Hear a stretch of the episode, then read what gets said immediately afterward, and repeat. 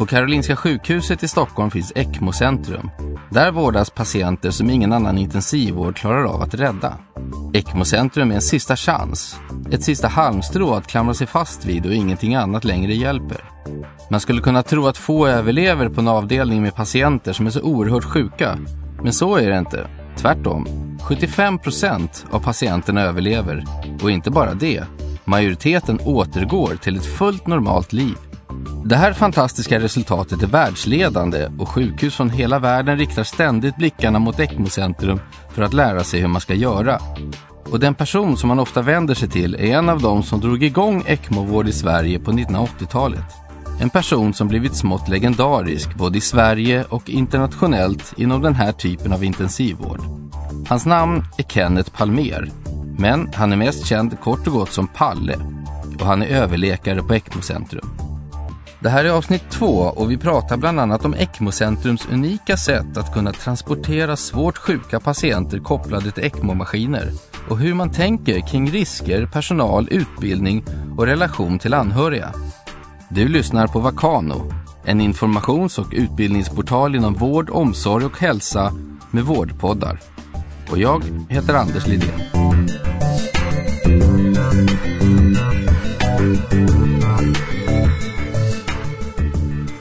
Något som är unikt det är ju det att ni åker och hämtar patienter och ja, transporterar, vi transporterar ju. Det här med transporter har blivit, gör en, en, stor sak för oss och det är vi utan tvekan störst i världen på.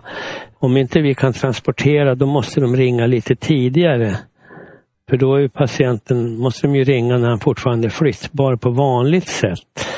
Alla eh, enheter jobbar ju och kämpar för sin patient så, så mycket som möjligt hela tiden. Och eh, sen en dag så har man kommit ut i området där man inte, inte kan flytta patienter längre. Eh, det är ingen tydlig gräns utan det är, plötsligt så är patienten så instabil så att det går inte att göra någonting. Man måste bara sitta still eh, på plats så att säga. Och det där insåg vi. Sverige är ju liksom ett ganska stort och avlångt land och eh, inte så himla mycket folk i Stockholm heller utan det är bara två miljoner människor kanske. Så att ska vi få patienter då måste vi faktiskt åka ut och hämta dem. Det kommer också en massa ny teknik med i respiratorbehandling med högfrekvent oscillering kväveoxidbehandling och allt sånt här kom samtidigt och då, det låste de här patienterna ute i periferin och gick inte att flytta dem så att säga. Med det.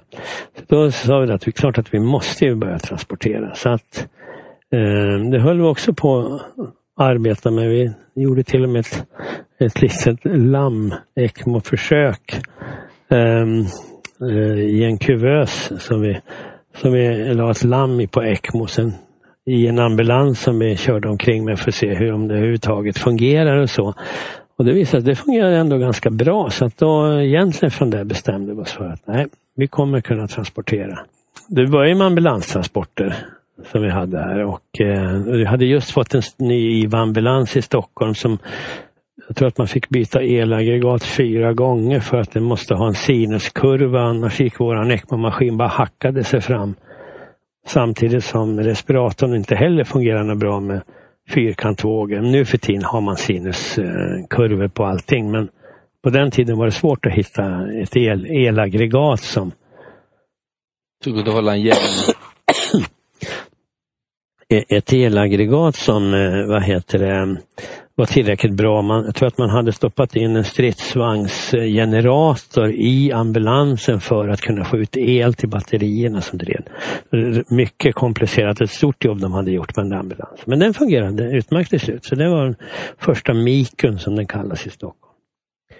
Så att, då kunde vi åka omkring med och hämta patienter. Och sen har det här vuxit, så nu hämtar ni, ni patienter i hela Sverige, Skandinavien, Europa? Ja norra, ja, norra Europa kanske man ska säga eh, överhuvudtaget. Så att vi gör ungefär eh, två transporter i veckan. Det är 100 transporter om året så att vi är väl uppe i 900 transporter totalt nu snart. Och det är, det är liksom 10 till 20 gånger så många transporter som någon annan har gjort överhuvudtaget. Det är liksom 50 till 100 transporter har man gjort på en del ställen som ty tycks ha gjort mycket men för oss är det ju liksom en, eh, en dag på jobbet att åka på en transport.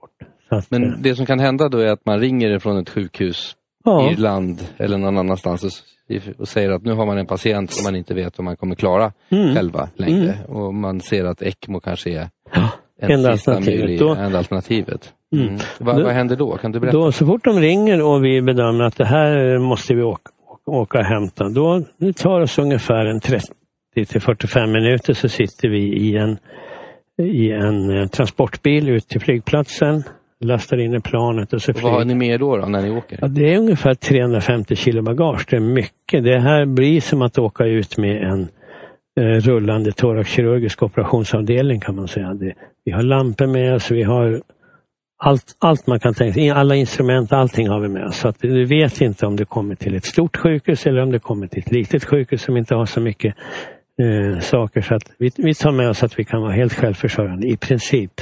Vi har inte diatermi med oss, det när man bränner. Eh, eh, Men i stort sett så, så räknar ni med att allting. de har ingenting där? Vi räknar med att de inte har någonting och så mm. har man samma setup hela tiden. Mm. Så att, det har fungerat fantastiskt bra. Men det är väldigt mycket prylar som ska med och det gäller ju att ha ordning och reda på det där och väskor ska packas och det är lister i väskor och det enormt det mycket jobb. Hela tiden då, det står, vi har en två, två uppsättningar eh, hela tiden färdig. Så att eh, vi ska kunna åka på en och sen åka på en direkt. Det har varit tillfällen när vi har haft tre transportlag ute samtidigt. Sen är det ju olika beroende på patient också, eller hur? Oh ja, det finns, en liten ja, bebis som är nyfödd eller en vuxen? Ja, vissa väskor är gjort för nyfödda och så är det pediatrisk väska och så är det vuxenväska. Men det finns två av två, två nyfödda och två barn och två vuxenväskor så är färdiga hela tiden. När du berättar om de här transporterna och alltihopa, det här är ju sånt som det skulle ta folk månader att sitta och planera logistiken mm. kring. Att bara höra talas om en sån här grej, ja men det kan vi göra om, om en och en halv månad när vi har fått tillstånd klart och mm. flygplan färdigt och piloter och ambulanser. Men ni löser det här på en halvtimme eller en timme ja. eller något sånt. Hur är det möjligt? Det, det är klart det är vana. Vi har gjort det så många gånger. Men man ska ju också ha klart för sig när man eh, gör som att vi, vi löser varje del av resan framför oss hela tiden. För att Jag kan inte säga att jag landar på ett speciellt ställe en viss tid. För varje gång jag ska flytta något, packa om, göra om någonting så kommer tiden sträcker ofta ut sig lite grann. Och det kommer inte stå en ambulans i Karlskrona och vänta i två timmar på flygplatsen för att jag sa att jag skulle komma för två timmar sedan. Utan man måste liksom flytta de här eh, småplaneringen. Man kan ta om innan men man måste ge dem tider som stämmer. När jag lyfter med planet då berättar jag för dem att då landar jag, för det är en ganska säker landningstid. Men man ska också ha klart för sig att under en sån här transport så skulle mycket väl tro att det är ungefär 40 olika människor som man är beroende av.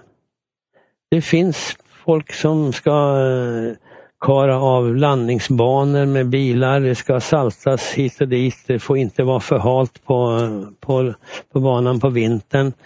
Security, security personal på flygplatser både här och där. Så man måste vara beredd att man kommer att vara i någon form av kommunikation med kring 40 personer på en sån här transport. Och du får inte gå i konflikt med dem. För då kan det plötsligt ta stopp. Det kan vara helt omöjligt. Jag kommer ner till, till eh, Tyskland en, en, vinter med en svensk patient på någon flygplats i Kassel eller vad det var. Och då, de, vi hade inte ens börjat kommunicera men när vi började lyfta ut grejerna så tittade en av ambulanskillarna på någon pryl där. Så, Den där kan du inte ta in i ambulansen sen. Han kände ju inte igen apparaterna då förstås. Nej, det är 17 grader kallt. och, vi, och vi står med tre ambulanskillar som står med armarna i kors och säger att den där får du inte ta in i, i våran ambulans. Varför inte då? då? Nej, det fanns inte tillstånd på det. Mm. Vad gör man då? Mm. Klart att jag kan gå in i konflikt och börja gapa och skrika med dem. Mm. Vi har ju faktiskt en patient som ligger i, i planet som vi har ansvar för. Men då får ju de stå där och prata och konstatera att man inte får göra så. Det gör, jag, det gör de medan jag lastar ambulansen med alla andra prylar runt dem hela tiden. För själva hjälper de ju inte till någonting då heller förstås. Att de, vill inte det här helt enkelt. Så att, och sen då när det är bara den där sista lilla delen kvar, då tar man den där apparaten och så stoppar man in patienten och eh, stoppar in apparaten och så slår man igen dörren och så säger man ja grabbar nu kör vi. Och då kör de ju förstås. Ja. Mm. Men att ge sig in i en, i en muntlig konflikt i det här läget, det är meningslöst. Då kommer det inte komma iväg. Utan de får stå där och muffla bäst de vill. Liksom. Det hjälper. Jag kan inte göra någonting åt det, sen kan jag inte tyska heller så det hjälper inte särskilt mycket. så att, eh, men jag tror att man måste hantera varje... För du kan gå i konflikt med en security eh, person på en flygplats. Du kan inte göra det heller. Du måste liksom få det hela att flyta fram på något vis. Men Det du har många- lärt dig ett system här då, hur, hur du ska sköta det Ja, här. på något sätt så lär man sig att eh, man är lite, lite lagom trevlig sådär. Det funkar bättre liksom än att hålla på och gå igenom prestigekampen Mm. med saker. Det funkar. Ett exempel som jag vet att ni är väldigt bra på nu då, det är ju de här små ehm, barnen som föds där de har då fått i sig sin egen avföring Mm. innan eh, Med kolonaspirationer, ja. det är ju en. Mm. det det är en grupp som är... Kan du kort berätta vad det, vad det innebär? Egentligen är det när barnet, om barnet blir stressat in i mamman, det kan ju vara i slutet på eh, eh, graviditeten, börjar röra sig mycket, eh, placentan, alltså moderkakan är inte riktigt bra längre, man har gått lite grann över tiden kanske. Och så blir det lite skakigt med syrgastillförseln till barnet så barnet blir stressat. Då händer det då och då att de tömmer sin eh, tarm ut i fostervattnet. Och då blir den, eh, det här barnbäcket det ser ju nästan svart grönt ut när det kommer ut normalt. Men blandar man ut det med fostervatten då ser det ut som nästan som ärtsoppa. Det är massor av, eh, av lite avföringar. Det här kommer ner i lungorna på dem. Och är det precis eh, så att det i slutet i samband med förlossningen då blir det liksom en mekoniumaspiration och då är det inte, oftast så suger man upp det så går det bra. Men har de legat i tre, fyra dagar i det här, då får de här, sprider sig i lungorna överallt. Och det blir lite som en kemisk eh, lunginflammation. För att det här är ju inga bakterier i det här. Utan, det eh, blir mer som en kemisk lunginflammation och då kommer det liksom bli svullet i lungorna överallt. Lungorna blir eh, vita säger vi. Normalt sett en lungröntgenbild är ju svart, det är luft i. Eh, och då, då blir det liksom vätska som tränger ut i lungalveolerna, eh, de här lung, luftblåsorna i lungorna så att säga. Så kommer det här över hela lungan. Och när det där kommer så får, då blir det också så att lungan blir tät vilket betyder att den får högt blodtryck i lungan. Blodet går fel väg genom fosterkärlet som inte stänger sig då. Och så blir man, har man jättestora problem att syrsätta sig. Och egentligen är det här den absolut bästa patienten som vi kan ha. För att det är patienter som verkligen kan eh, dö av det här. Men om vi bara lägger in en liten slang på halsen. Eh, jag brukar säga en dubbellumenslang så att säga. Det, och så sätter vi igång maskinen och så går det tre, fyra dagar och sen försvinner det här. eh, Men när de föds då, då kan de inte andas kan man säga. Nej. De kommer ut och är helt oförmögna. De hamnar i respirator och så mer och mer Ja. respirator, högre och högre tryck och det Mm. blir svårare och svårare Mm. för dem och så. Men eh, Och vad händer om, om de nu inte skulle få hjälp av, av ECMO? det är en del av dem kommer att dö, definitivt. Mm. Att eh, vi åker bara till de som absolut behöver. Och det, det är de doktorer som står med barnet som ser det så att säga. De, Mm. Syrsättningen sjunker och den är inte alls liksom kring 90 procent utan det är 70 procent och 60 procent. Så allt stora tryck i respiratorn, man kommer ändå ingen, får ändå ingen ordning på det här så att säga. Och det har mycket att göra med blodet, hur blodet går i fosterkärlet. Och det är ju små, små nyfödda bebisar det här det handlar om. De här brukar, ofta är det ju fullgångna barn. Här. Just den här diagnosen är gärna fullgångna barn 3,5-4 kilo. Men det stora, stora med dem är ju att det är så, de överlever så lätt. För att eh, bara man stoppar ner den där, sätter igång maskinen och så går den, så väntar man. Man gör egentligen ingenting, man väntar i 3-4 dagar. Så Mm. kommer den här lungan och bara allt det här skräpet i lungan försvinner. Men ni tar ändå alltid hit Ja. eller hur? Man, vi kan inte sitta kvar där borta. Nej, det, är inte så att ni flyger det är in, för in komplicerat. pumpen och så sitter ni och väntar i tre dagar och Ja, i princip så. Ja, vi, Men vi ni tar alltid barnet hit? så flyger de hit och sen sitter vi egentligen bara och Mm. väntar tre, fyra dagar. Sen är det efter tre, fyra dagar då, då ser vi att lungorna blivit så pass bra och då kan Mm. vi stänga, stänga av så drar vi bara ut den här slangen så är det liksom bra sen.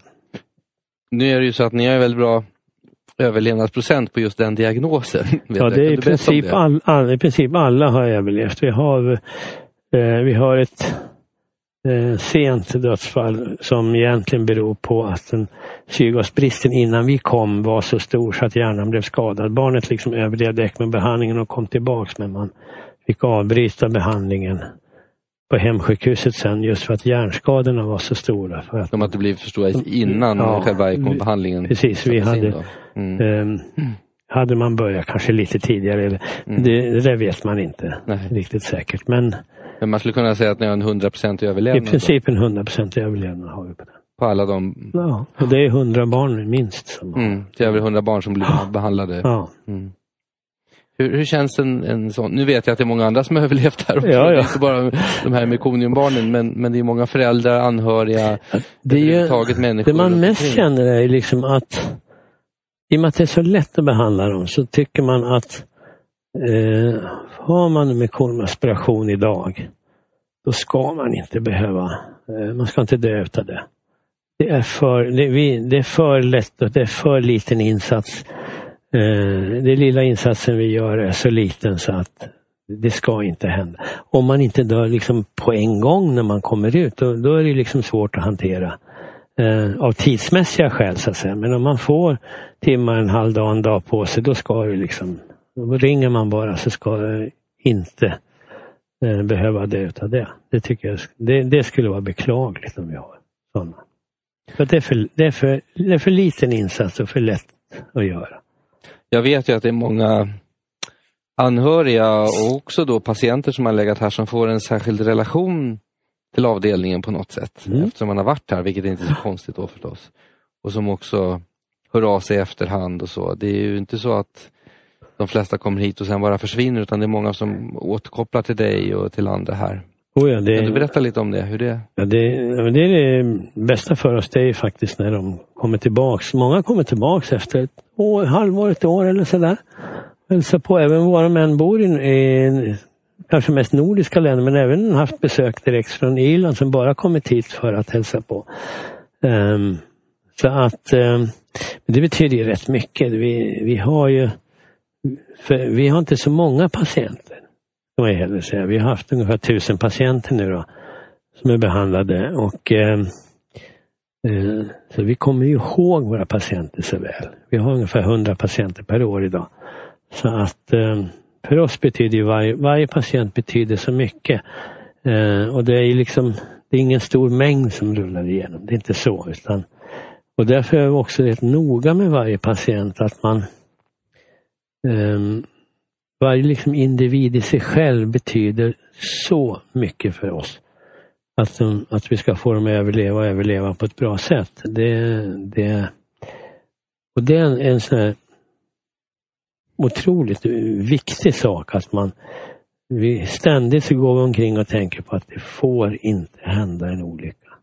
Det får bara inte hända Det får inte vara någonting i våra maskiner som går fel eller att vi gör något fel eller någonting sånt där. Det får bara inte hända. Det är, det är den tunga delen att bära på. Mm. En ständig oro att det faktiskt... Eh, att det är ju ingen, det är ingen enkel behandling. Det, kan, det är en riskabel behandling i grunden men, men det får inte hända onödiga olyckor. Det är otänkbart. Jag vet ju att du är väldigt noga med att alla som jobbar här också utbildas på ett bra sätt. Mm. Det, det, här är väldigt unikt för, för eh, oss kan jag säga. Det är eh, all personal som vi har eh, har en, en kraschträning eller en haveriträning var femte vecka för fyra timmar. Varje individ så att säga. Och det är helt unikt i världen. Det finns ingen som har den typen av träning. Eh, många kallar sig för ECMO-utbildad sjuksköterska och så har man egentligen bara några timmars eh, ja, träning, inte, inte ens träning, vi pratar om lite föreläsningar.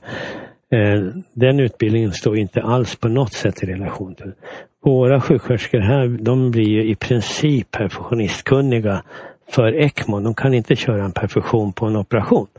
Men för ECMO kan de definitivt, eh, är de perf fullt perfektionistkunniga, troligtvis mer kunniga på ECMO än vad en perfektionist kan vara. För de som inte vet vad perfektion, perfektionism är, hur, hur skulle du förklara det? Du menar att de måste kunna det perfekt? Nej, det perfektionist är ju liksom ett, ett jobb som de sitter och kör hjärt-lungmaskiner på operation mest. Aha, okay. Men eh, i och med att vi bara kör ECMO och det är mycket timmar vi får så att den erfarenhet varje, varje individ, sjuksköterska, har blir ju enormt mycket större än vad en perfektionist kan få.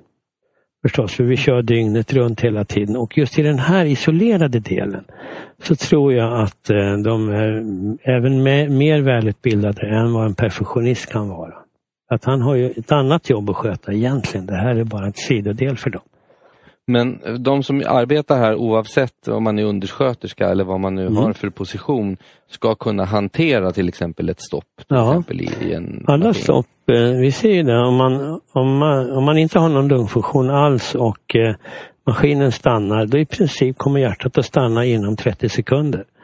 Så att därför är kravet att oavsett vilket stopp vi har så ska det vara löst inom 30 sekunder. Så att alla tränas i den här 30 sekunders regeln. Det är stopp i själva den konstgjorda lungan. Då ska den vara bytt inom 30 sekunder och det gör alla. Likadant om pumpen stannar, det kan komma ett koagel in som stoppar upp pumpen eller någonting sånt där. Då ska man byta den på 30 sekunder och det kan också alla göra. Så det här är en ständig eh, träning för att hålla igång det här. Folk är otroligt eh, snabba och duktiga på det här. Och också felsökningen är ju inkluderad i det här stoppet. Så, att, eh, felsökningen är otroligt viktig. Eh, och det här kan både undersköterskor, eh, sjuksköterskor och doktorer göra. Undersköterskorna de klipper inte i systemet så att säga i grunden men de tränar och eh, egentligen tränar bättre än alla andra förstås. eh, så när, vi, när det händer så kommer de att hjälpa den som klipper systemet. Man håller grejerna på rätt sätt. Man observerar allting så man har två ögon till så det kommer en luftbubbla så ser de det omedelbart. Så att den här träningen är ju inte, den är bra för alla att kunna hantera, även om man inte klipper systemet själv. Men att arbeta på en, en sån här intensivvårdsavdelning där man har ändå då patienter som är så oerhört sjuka och som mm. ligger och svävar mellan liv och död hela tiden här. Eh, det måste ju ändå sätta någon slags, vad ska man säga, atmosfär eller mm, det blir någon slags eh, ska, hur ska man uttrycka det? En, en, inte präst, inte det jag är ute efter riktigt, men det måste väl ändå ge någon särskild karaktär åt ja. arbetssituationen på något sätt? Ja, det, en, det blir en kulturfråga till slut också. Det, Stämningen på avdelningen är väldigt avslappnad. Så länge allting går. Men det är ett visst ljud som kommer från pumpen när den inte går. Och då går det fort. Så att, och dessemellan så är det precis lika lugnt och avslappnat i alla fall. Och jag tror egentligen att det är så här att på grund av att alla är så tränade eh, betyder det att vi kan ha den här avslappnade stämningen. Det är ingen som går, vi går inte omkring och är oroliga för maskinen alls. Vi vet bara vad vi gör när det händer. Så då, då sker det så fort som man tror inte att det är sant när man ser det. Och Jag tror också att det här är en väldigt viktig del i att man normalt sett om man har ett icke så erfaret ECMO-enhet då, då lägger man patienten på en ECMO-maskin säger man egentligen. Man, man lägger inte dem på en, på en maskin utan man kopplar in slangarna, eh, men uttrycket är på en ECMO-maskin. Eh, om man gör det, om du då är så orolig för den här maskinen så att det upptar ditt, eh, ditt huvud att, att det kan hända någonting med maskinen. Då kommer du att göra en massa saker för att bli av med maskinen. Det är det viktigaste, att bli av med maskin. Och det är ganska vanligt. Det liksom, det kan jag säga, det är 90-95 procent av alla ställen i världen som tittar på maskinen som en farlig maskin som är egentligen min fiende. Så allt jag gör handlar om att jag ska bli av med maskinen. Då har jag liksom inte hunnit börja fundera på vad jag ska göra med patienten längre. Utan nu ska jag bara försöka få patienten så lite bättre så jag kan bli av med den maskinen igen. Det, det synsättet eh, är helt annorlunda hos oss. Vi tittar ju på maskinen som vår bästa vän. Så länge den maskinen går, sen kan resten gå, vara hur det vill. Men bara maskinen går så kommer det ingenting särskilt att hända. Och det här förändrar en sätt att behandla patienten på alla sätt och vis. Vi är intresserade av att få friska lungor. Vi är inte intresserade av att bli av med maskinen. Och därför kan vi också behandla lungorna på ett helt annat sätt. Vi behöver inte ligga och trycka på med höga tryck i respiratorn för att utifall maskinen skulle gå sönder. Vi litar på vår maskin och händer någonting med den så kan vi hantera det. Och det här, det här gör en jättestor skillnad i hur man hanterar alla problem. Om vi får liksom en det finns ett uttryck som heter pneumotorax, man får luft, lungan spricker säger man ibland, men det är inte så att den spricker riktigt. Men det är en luftblåsa som går sönder någonstans. Så att man har respirator så går luften in och så läcker det ut i den här luftblåsan och lägger sig luft mellan bröstkorgsväggen och lungan. Då kommer den att trycka ihop lungan med tiden för den här luften går inte tillbaka, den försvinner inte ut. Och då kan man lägga in ett, ett pleuradrän, säger man, ett lungsäcksdränage. Lägger man in en slang genom bröstkorgsväggen och så suger man bort den här luften så blir det bättre. Om man ligger på ECMO så har man ju också heparin, det är man är blodförtunnat för annars skulle det koagulera i, i plastslangarna för oss. Men om man stoppar in ett sånt eh, dränage när man har det, då brukar väldigt ofta sluta med stora blödningar utan på kvällen så har man fem liter blod liggande i den där lungsäcken. Måste gå in på operation, öppna och ta bort blodet. Nästa kväll är det likadant, det har fortsatt blött. Så att ett sånt här litet dränage in genom den här bröstkorgsväggen för att suga bort den här luften, just för att vi stoppar heparinen. Brukar ofta sluta med att fyra dagar på operation, 20 liters blodförlust, och ganska besvärlig situation. Men om du har den här eh, maskinen och tittar på den som din bästa vän. Vad du kan göra när du har luft sådär, då kan du söva ner patienten och ta bort respiratorn helt. Och inte göra någonting mer. Låt honom ligga stilla i två, tre dagar. Då kommer den här luftblåsan som var trasig, den kommer att läka. Och den luften som fanns utanför, den kommer att sugas upp i kroppen och försvinna. Sen efter tre dagar så stoppar du tillbaks eh, slangarna från respiratorn. Så kan du börja andas igen. Då slipper vi de här fyra dagar på operation och 20 liters blodförlust. Men då måste du lita på apparaten. Om du händer det då någonting med apparaten, då har du ingen tid alls på det. Så att eh, då, då är det definitivt 30 sekunders regel som gäller. Så att eh, om man det förändrar en sätt att hantera patienten på ett oerhört positivt sätt om man kan lita på apparaten. Och det har, har haft stor betydelse för oss.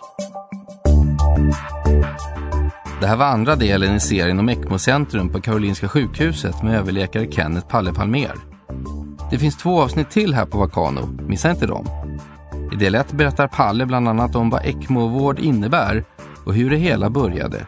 Och del 3 handlar bland annat om en mycket speciella tid då ECMO fick medias totala uppmärksamhet i samband med svininfluensan. Du har lyssnat på en podcast från informations och utbildningsportalen Vakano. Har du synpunkter på programmet eller vill tipsa om något annat spännande inom vård, hälsa och forskning så hör gärna av dig. Kontaktuppgifter finns på vakano.se. Och jag som har gjort det här programmet heter Anders Lidén. Tack för att du har lyssnat.